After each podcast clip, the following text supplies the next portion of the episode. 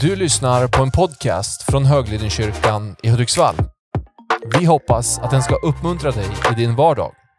För att få mer information om oss och allt som händer i kyrkan, gå in på höglidenkyrkan.se. Yes, då tänkte jag hoppa in i dagens predikan som har titeln Håll fast vid överlåtelsen. Man skulle också kunna säga stanna kvar i överlåtelsen. Stay committed to the commitment. Kan man också säga. Det finns ju jättemånga fina rubriker. Liksom. Eh, men vi håller oss till svenska. Och vi kan börja med ett bibelord från Saltaren 37. Det blir några ord här så eh, följ gärna med om ni har möjlighet. Nu har inte jag varit i framkant och vi har inte riktigt fått igång alla skärmgrejer här men som tur är så har vi ju möjlighet att öppna och slå i våra egna biblar fortfarande. Så allt behöver inte presenteras på skärm, tänker jag. Men psalm 37, vers 5. Jag läser i en översättning som heter Nu-bibeln. Det är en liten, bara enklare svenska egentligen, enklare översättning. Överlåt din väg åt Herren. Lita på honom, för han ska göra det. Välkända ord. På engelskan säger man commit. Ordet commit, alltså överlåt eller dedikera eller ja, commit. Det, det, det förekommer, säger man, 164 gånger i Bibeln. Så commit, att överlåta eller att ge till Gud sin väg är någonting som återkommer. En annan, Svenska folkbibeln säger ju överlämna din väg åt Herren och förtrösta på honom. Men överlåt, överlämna din väg. Vi går också till Ordspråksboken kapitel 16. Och vers 3 där. Ordspråksboken 16 och 3. Det står också överlåt ditt arbete åt Herren så kommer dina planer att lyckas. Och i engelskan säger man här också commit your works to the Lord. Eh, att överlåta någonting till Gud och att överlämna till honom. Det kan ju låta väldigt enkelt och, och något vi gör bara sådär i förbifarten. Men att leva i en överlåtelse tror jag kräver lite mer än bara eh, en, en tanke eller att man säger att man gör det en gång. Eh, jag tänker så här, om, om du bestämmer dig, ditt nyårslöfte eller vad det än må vara, sommar 2025 eller vad man nu skämtar om. Men om du bestämmer dig att du ska börja träna. Dels så vill du må bra, du vill trivas i din kropp, du vill känna att din kropp eh, representerar vem du är. Eller hur? Vårt yttre är ju på något sätt en spegel av vårt inre många gånger. Sen behöver vi inte lägga allt för mycket fokus på det. Va? Men du kanske är så att du, du bestämmer dig, jag tror vi alla har gjort det någon gång, att ja, men nu bestämmer jag mig. Jag ska börja träna här nu, för jag vill komma i form. Eh, du går till gymmet första dagen. Och så gör du det här programmet som du har tagit fram som är suveränt, ett sånt där superprogram. Du tränar bara 20-30 minuter, men resultatet utlova, som utlovas är ju liksom ett så enormt resultat. Så att du gör de där fantastiska grejerna och du vet att det här, det här är bra grejer. Så går du till gymmet första dagen och så kommer du hem. Så river du av dig kläderna och så står du där liksom och så försöker du forma dig på olika sätt så här. Men du känner att du ser ingenting. Du ser ingen skillnad. Ah, ja, men vi på det igen imorgon. Så går du till gymmet imorgon. Samma sak. Du kan inte låta bli och så bara, händer det några grejer? Och så kör vi så där. Du kommer se ingenting. Inget resultat. Och så går det där en tid och så känner du att det här är nog inte så effektivt som jag har trott. Det här, kan, det här kan man också applicera på sina relationer. Ja, men jag köpte blommor åt henne. Jag sa grattis på födelsedagen. Jag kämpade verkligen. Men hon, hon vill ändå inte ha mig. Eller hon liksom, det händer ingenting. Det är någonting med att vi, när vi har försökt, när vi har bestämt oss, om, inom citat då, så är det som att det alltid är någonting som, att det finns en motpol till den, det beslutet. Framförallt när det är någonting positivt vi har bestämt oss för. En förändring som är positiv. Då är det som att det finns en naturlig, konstig motpol till den här bra händelsen. Men återgå till träningen då. Sanningen är att det finns ju utrymme för misslyckande. Du kan dra den där chokladkakan en fredagkväll. Du kan hoppa över en träning eller två någon vecka ibland. Det kommer inte förändra din överlåtelse till det här systemet eller till det här som du faktiskt tror på. Och Jag kan inte säga vilken dag och jag kan inte heller säga exakt hur och när. Men någon gång under din resa, om du stannar kvar i den här överlåtelsen till träningen, så kommer du att komma i form.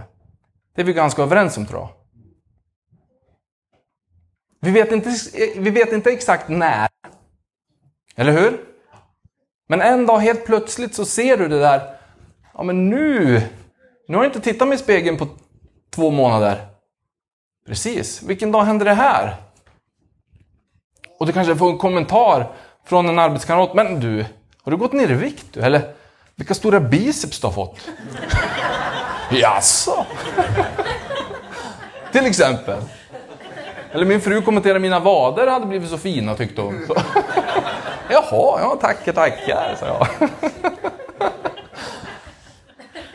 Skämt åsido, någonstans på vägen, om vi överlåter oss till det här systemet, eller kallar det för till det du faktiskt dedikerar dig till. Om du håller fast vid det. Du kommer inte kunna säga exakt när, eller kanske exakt hur heller. Och det kommer finnas utrymme för misslyckanden i den här i den här bubblan, eller i den här grejen, eller hur? Men om du håller fast vid det, så kommer resultatet att komma tids nog. Och en väldigt enkel bild det här med träning, men det finns ju någonting i det här, att hålla fast vid sin överlåtelse. Och ni förstår säkert vart jag vill komma. De flesta av oss här inne idag har valt att överlåta våra liv till Gud. Vi har valt att, sagt, att säga ja till Jesus. Har du inte gjort det så du kommer få möjlighet att göra det idag. Ingen som kommer tvinga dig till det, men det kommer alltid finnas en möjlighet till att säga ja till Jesus. Jag vill överlåta mitt liv till honom. Eh, vi har anförtrott Gud med våra liv. Och Betyder det att jag inte har något eget liv då? Eller betyder det att jag inte har, kan ta egna beslut? Eller vad betyder det? Ja, men tvärtom. Gud har skapat dig precis som du är. Du har en välutvecklad hjärna att tänka och filura och fundera som du ska göra. Gud har skapat dig med en hjärna, eller hur? Han har inte sagt att hjärnan ska du inte använda, eller hur? Vi har ju en enorm hjärna egentligen. Har vi någon Människa här, höll jag på att säga? Hjärnkirurg eller liknande? Hjärnforskare eller? Vi har ju någon lä läkare här på gång va? Visst är det så? Ja, Alexander.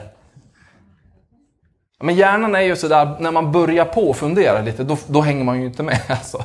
För att den är så enormt välgjord av Gud, tänker jag. Så allt det du har i ditt liv, det har ju Gud skapat dig med, tänker jag. Det är inte att du ska slå bort det liksom. Men han säger också att förlita dig inte fullt och bara på ditt förstånd. För när vi kommer till Gud och till våran tro och till våran överlåtelse så är det faktiskt så att vi kommer, inte, vi kommer i första hand många gånger inte bära det med vårt förstånd. Eller hur? Och det vet vi också, men det här är lika svårt varje gång. När vi inte riktigt får ihop saker och ting. Eh, men jag brukar tänka så här att vi är fullt levande människor med allt vad det innebär. Men i och med att jag har överlåtit mig till Gud, jag har, jag har valt att säga ja till Jesus. Jesus, du har mitt hjärta, jag tror på dig och jag vill att du flyttar in i mitt liv och är den som är min utgångspunkt till livet. Åh, oh, men vad jobbigt, då måste jag hålla på och tänka på det hela tiden. Och så fort jag möter någon situation så måste jag tänka att okej, okay, okay, nu ska jag in med Jesus här också, nu ska jag in med min tro här också. Men vet du, det, det, det är det som är grejen, tänker jag. att När Jesus dog på korset, han, han visade oss för det första den ultimata överlåtelsen till sitt uppdrag. Eller hur? Det går ju liksom inte att committa mer än vad han gjorde. Eh, han gjorde det fullt ut. Sen skickade han en helig ande till oss.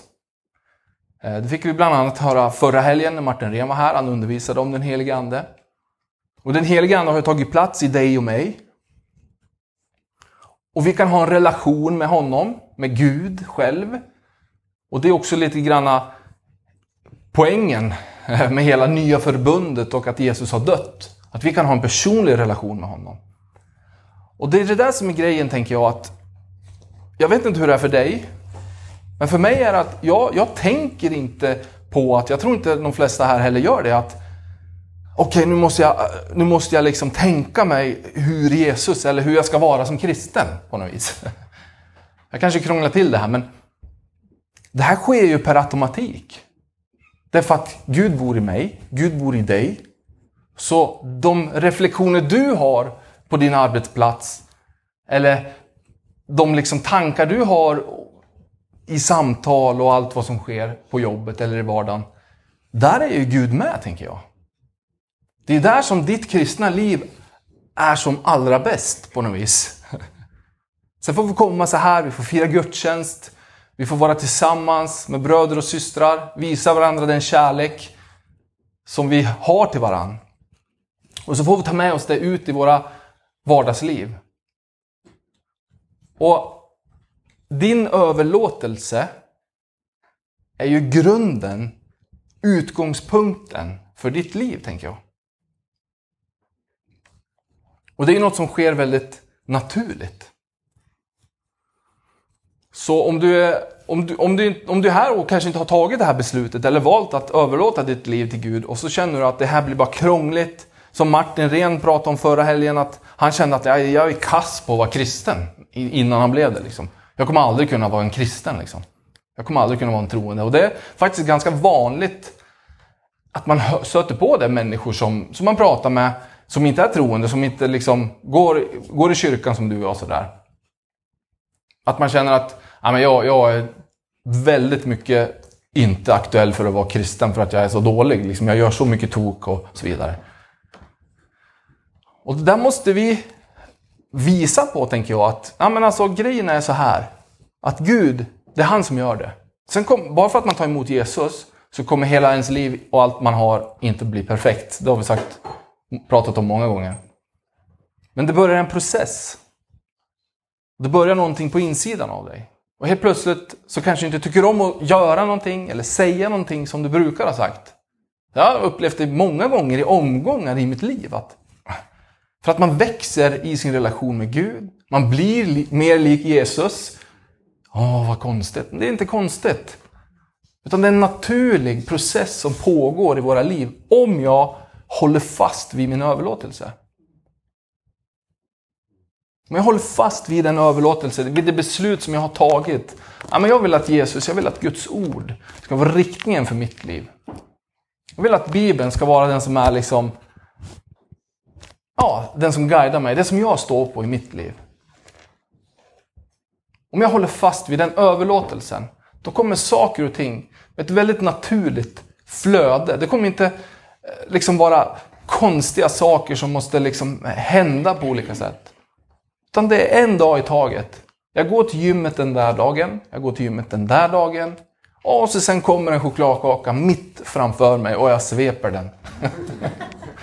För att det är en apelsinkrokant. Och den kan inte jag stå emot, och inte min fru heller. Eller inte Bengt heller.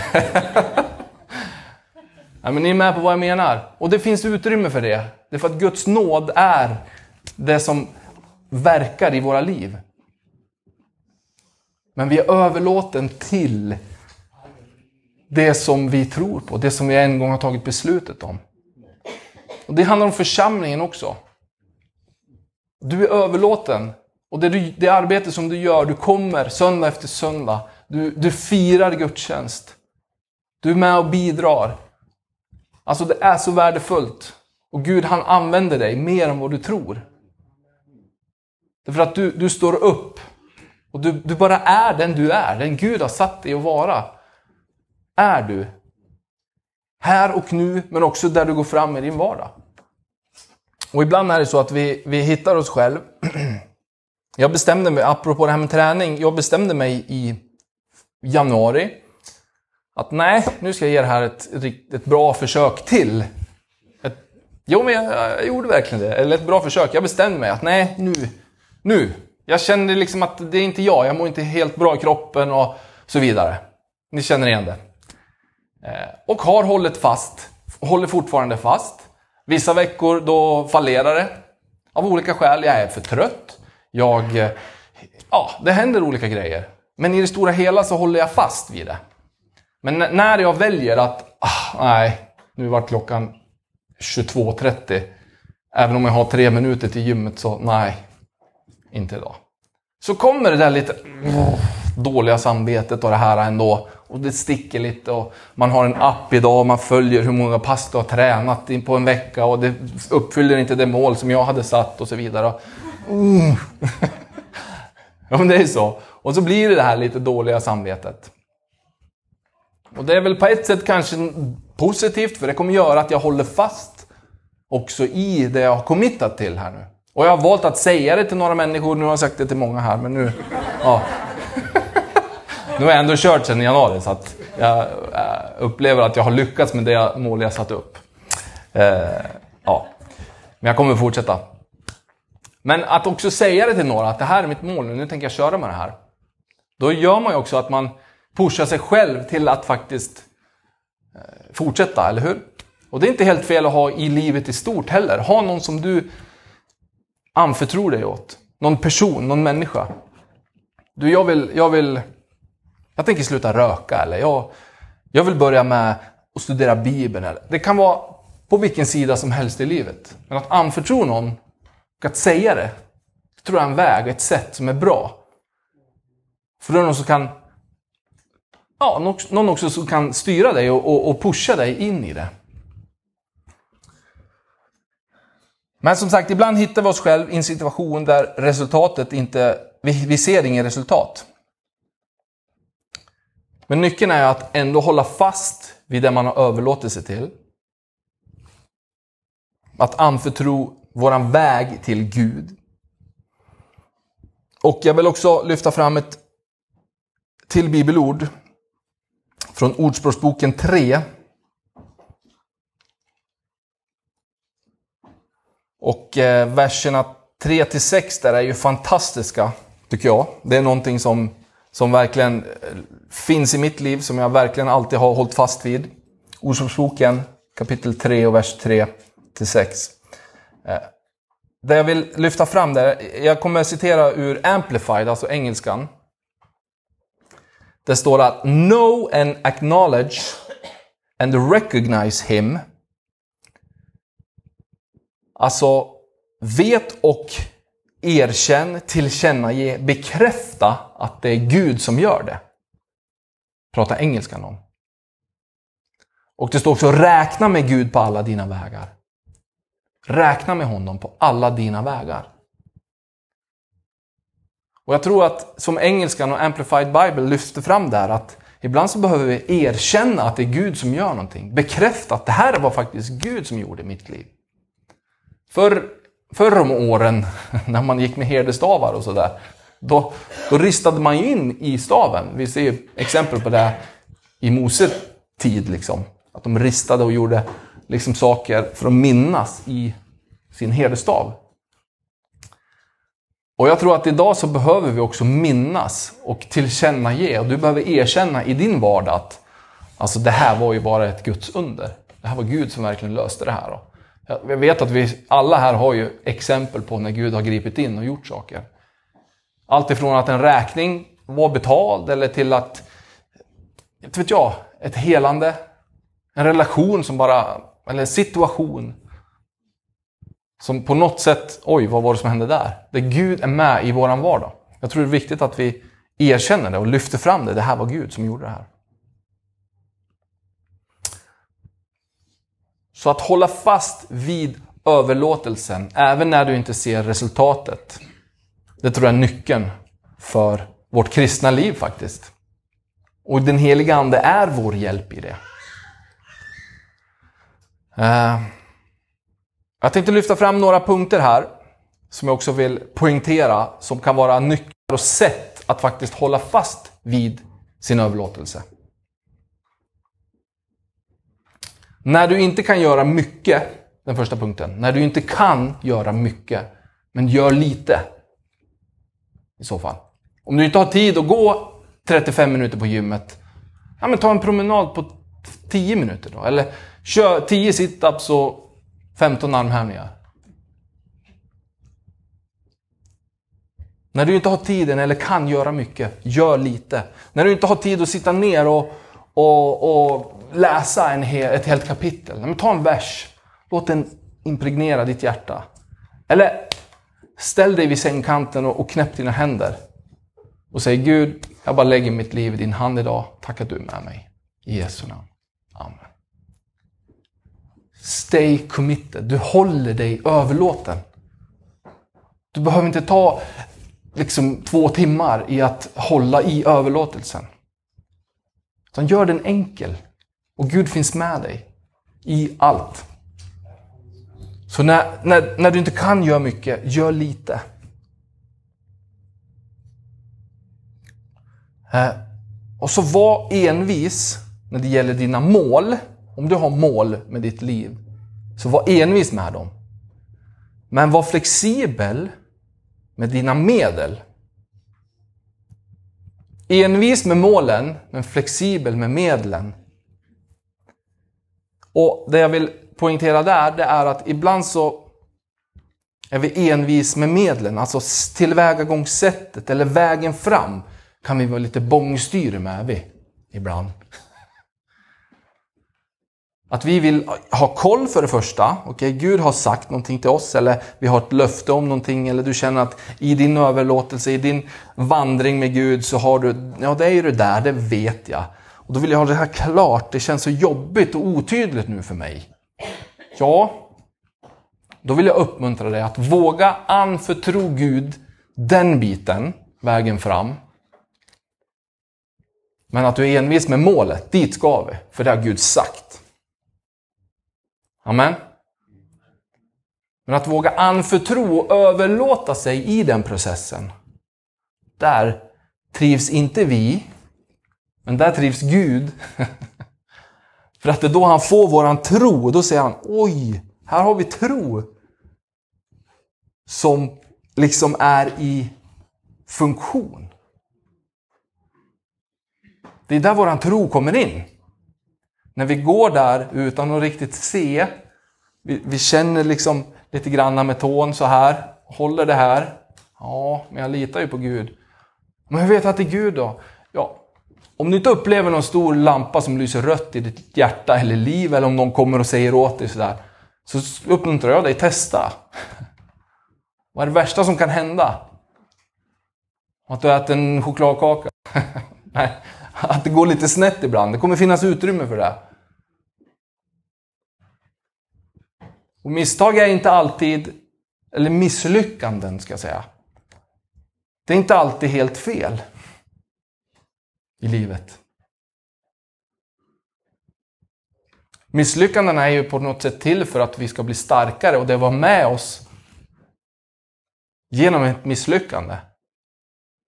Där är vi ju på en högre nivå, där är vi starkare, vi har mer kunskap och erfarenhet än innan. Så låt inte misslyckandena slå ner dig och få dig att sluta.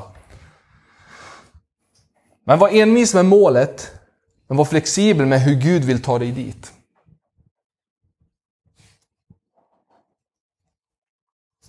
Så att när du inte kan göra mycket, gör lite. Och var envis med målet, flexibel med dina medel eller vägen dit. Och en till punkt som jag vill skicka med. Vi, jag tror att vi behöver bli bättre på att gräva djupt. Eller att rota oss. Och jag vet att här inne finns det en fantastisk god generation. Mosig generation. Är du 60 plus så vill jag se dig som en mosig generation. Även 55 går bra. En mosig generation, det är en generation som har gått före. Och en Josua-generationen är de som kommer efter och ska ta vid. Och vara de som bär vidare det Mose-generationen har etablerat och byggt och, och jobbat med. Men en Mose-generation, det är ofta en generation som men de står stadigt. Det kan blåsa ganska rejält innan rötterna ska rubbas. För att man har rotat sig, man har grävt djupt i sin överlåtelse, man har stannat i sin överlåtelse. Och du vet, idag är det en, en, en stor välsignelse. Och det behöver ni ge till de yngre. Ni behöver säga det till dem, ni behöver visa det. Att vi står fast. Det spelar ingen roll vad, vad samhället kommer med nu. Det kommer komma nya vindar som säger si och som säger så. Men här står vi. Vi är rotade, vi har stannat kvar i vår överlåtelse. Och det behöver vi ha vidare. Jag behöver ha det. Nästa generation efter mig behöver ha det. Vad är det att förbli i sin tro? Vad är det att förbli trofast? Vad är det att stanna kvar i sin överlåtelse även fast det blåser och, i livet och stormarna kommer? Där har ni mycket att ge. Otroligt mycket att ge. Så jag tror att vi behöver bli bättre på att gräva djupt. Speciellt idag när allting är, så håller jag upp min mobil här, men ganska så ytligt. Vi lever i en ganska ytlig, ytliga relationer. Vi är vänner online i hela världen. Jag har så mycket vänner. Ja, men har du någon, har du någon sann vän? Vem talar in i ditt liv? Vem kan säga till dig Vem kan säga något kritiskt till dig utan att du blir liksom tar illa upp och blir stött? För jag tänker, har man en relation jag tror, jag pekar på min svärfar Håkan, jag tror att han skulle kunna säga det mesta till mig utan att jag skulle ta illa upp. Även om jag, han skulle kunna säga saker så jag blir sårad såklart, men jag skulle nog inte kunna bli stött och ta illa upp. För att jag menar, vi har odlat en relation. Och jag skulle ju bejaka det han säger in i mitt liv. Om någon däremot, som jag har vän på Facebook, skulle skriva till mig och, och liksom, kanske samma sak som då min svärfar hade sagt, då, då skulle jag förmodligen bli ganska stött. För att vi har en väldigt ytlig relation. Nu säger jag inte att alla Facebook-vänner är ytliga och, och, och jag är också en Facebook-vän. Antingen är man pingstvän eller så är man Facebook-vän. Skämt åsido. En ny, ny, nytt samfund det. Nej, vi ska inte spinna vidare på det. Men mycket idag är ganska ytligt. Jag tror ni håller med mig. Vi behöver lära oss att dig deep, alltså gräva lite djupare i våra relationer, och i det vi gör, i det vi säger.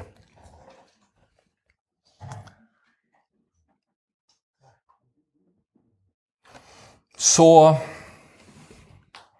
om du inte kan göra mycket, så gör lite för att stanna i överlåtelsen. Var envis med vad Gud har sagt och de mål du har. Men våga vara flexibel med hur Gud vill ta dig fram dit. Och bli bättre på att gräva djupt. Ibland behöver vi också ta den där tiden att nej, nu ska jag avsätta den här förmiddagen för att faktiskt läsa. Vad, vad var det Jesus verkligen gjorde i Matteus evangeliet? Nu ska jag ta en förmiddag och så ska jag bara, jag vill avsätta det. Den tiden. Det är ett sätt att gräva, gräva lite djupt i sin relation med Gud. Eller så säger du, nej, min, alltså min farmor, hon har ju gått med Herren hela sitt liv. Alltså hon måste ju ha varit med om jättemycket. Alltså jag ska ta med kaffe och, och bulle och åka hem till farmor så ska jag prata med henne en förmiddag. Det kan också vara ett sätt att gräva lite djupare.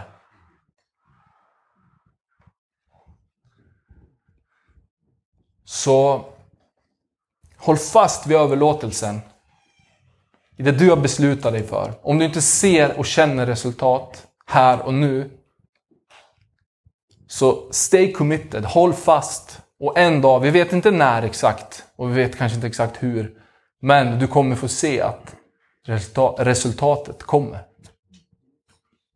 Och det är också våran tro. Det är ju tro som handlar om det. Vi går till andra Timoteus kapitel 4.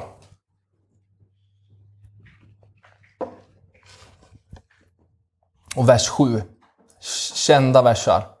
Andra Timoteus kapitel 4 och vers 7. Jag har kämpat min kamp väl. Jag har sprungit klart mitt lopp. Jag har bevarat tron. Nu väntar mig rättfärdighetens segerkrans som Herren, den rättvise domaren, ska ge mig på den dagen. Och inte bara mig, utan alla som längtar efter att han ska komma tillbaka. Det vill jag säga när jag är färdig här. Jag tror att vi alla vill det. Och många här kan det redan. För att ni har kämpat väl och ni kämpar väl. Ung som gammal. Så stay committed. Amen.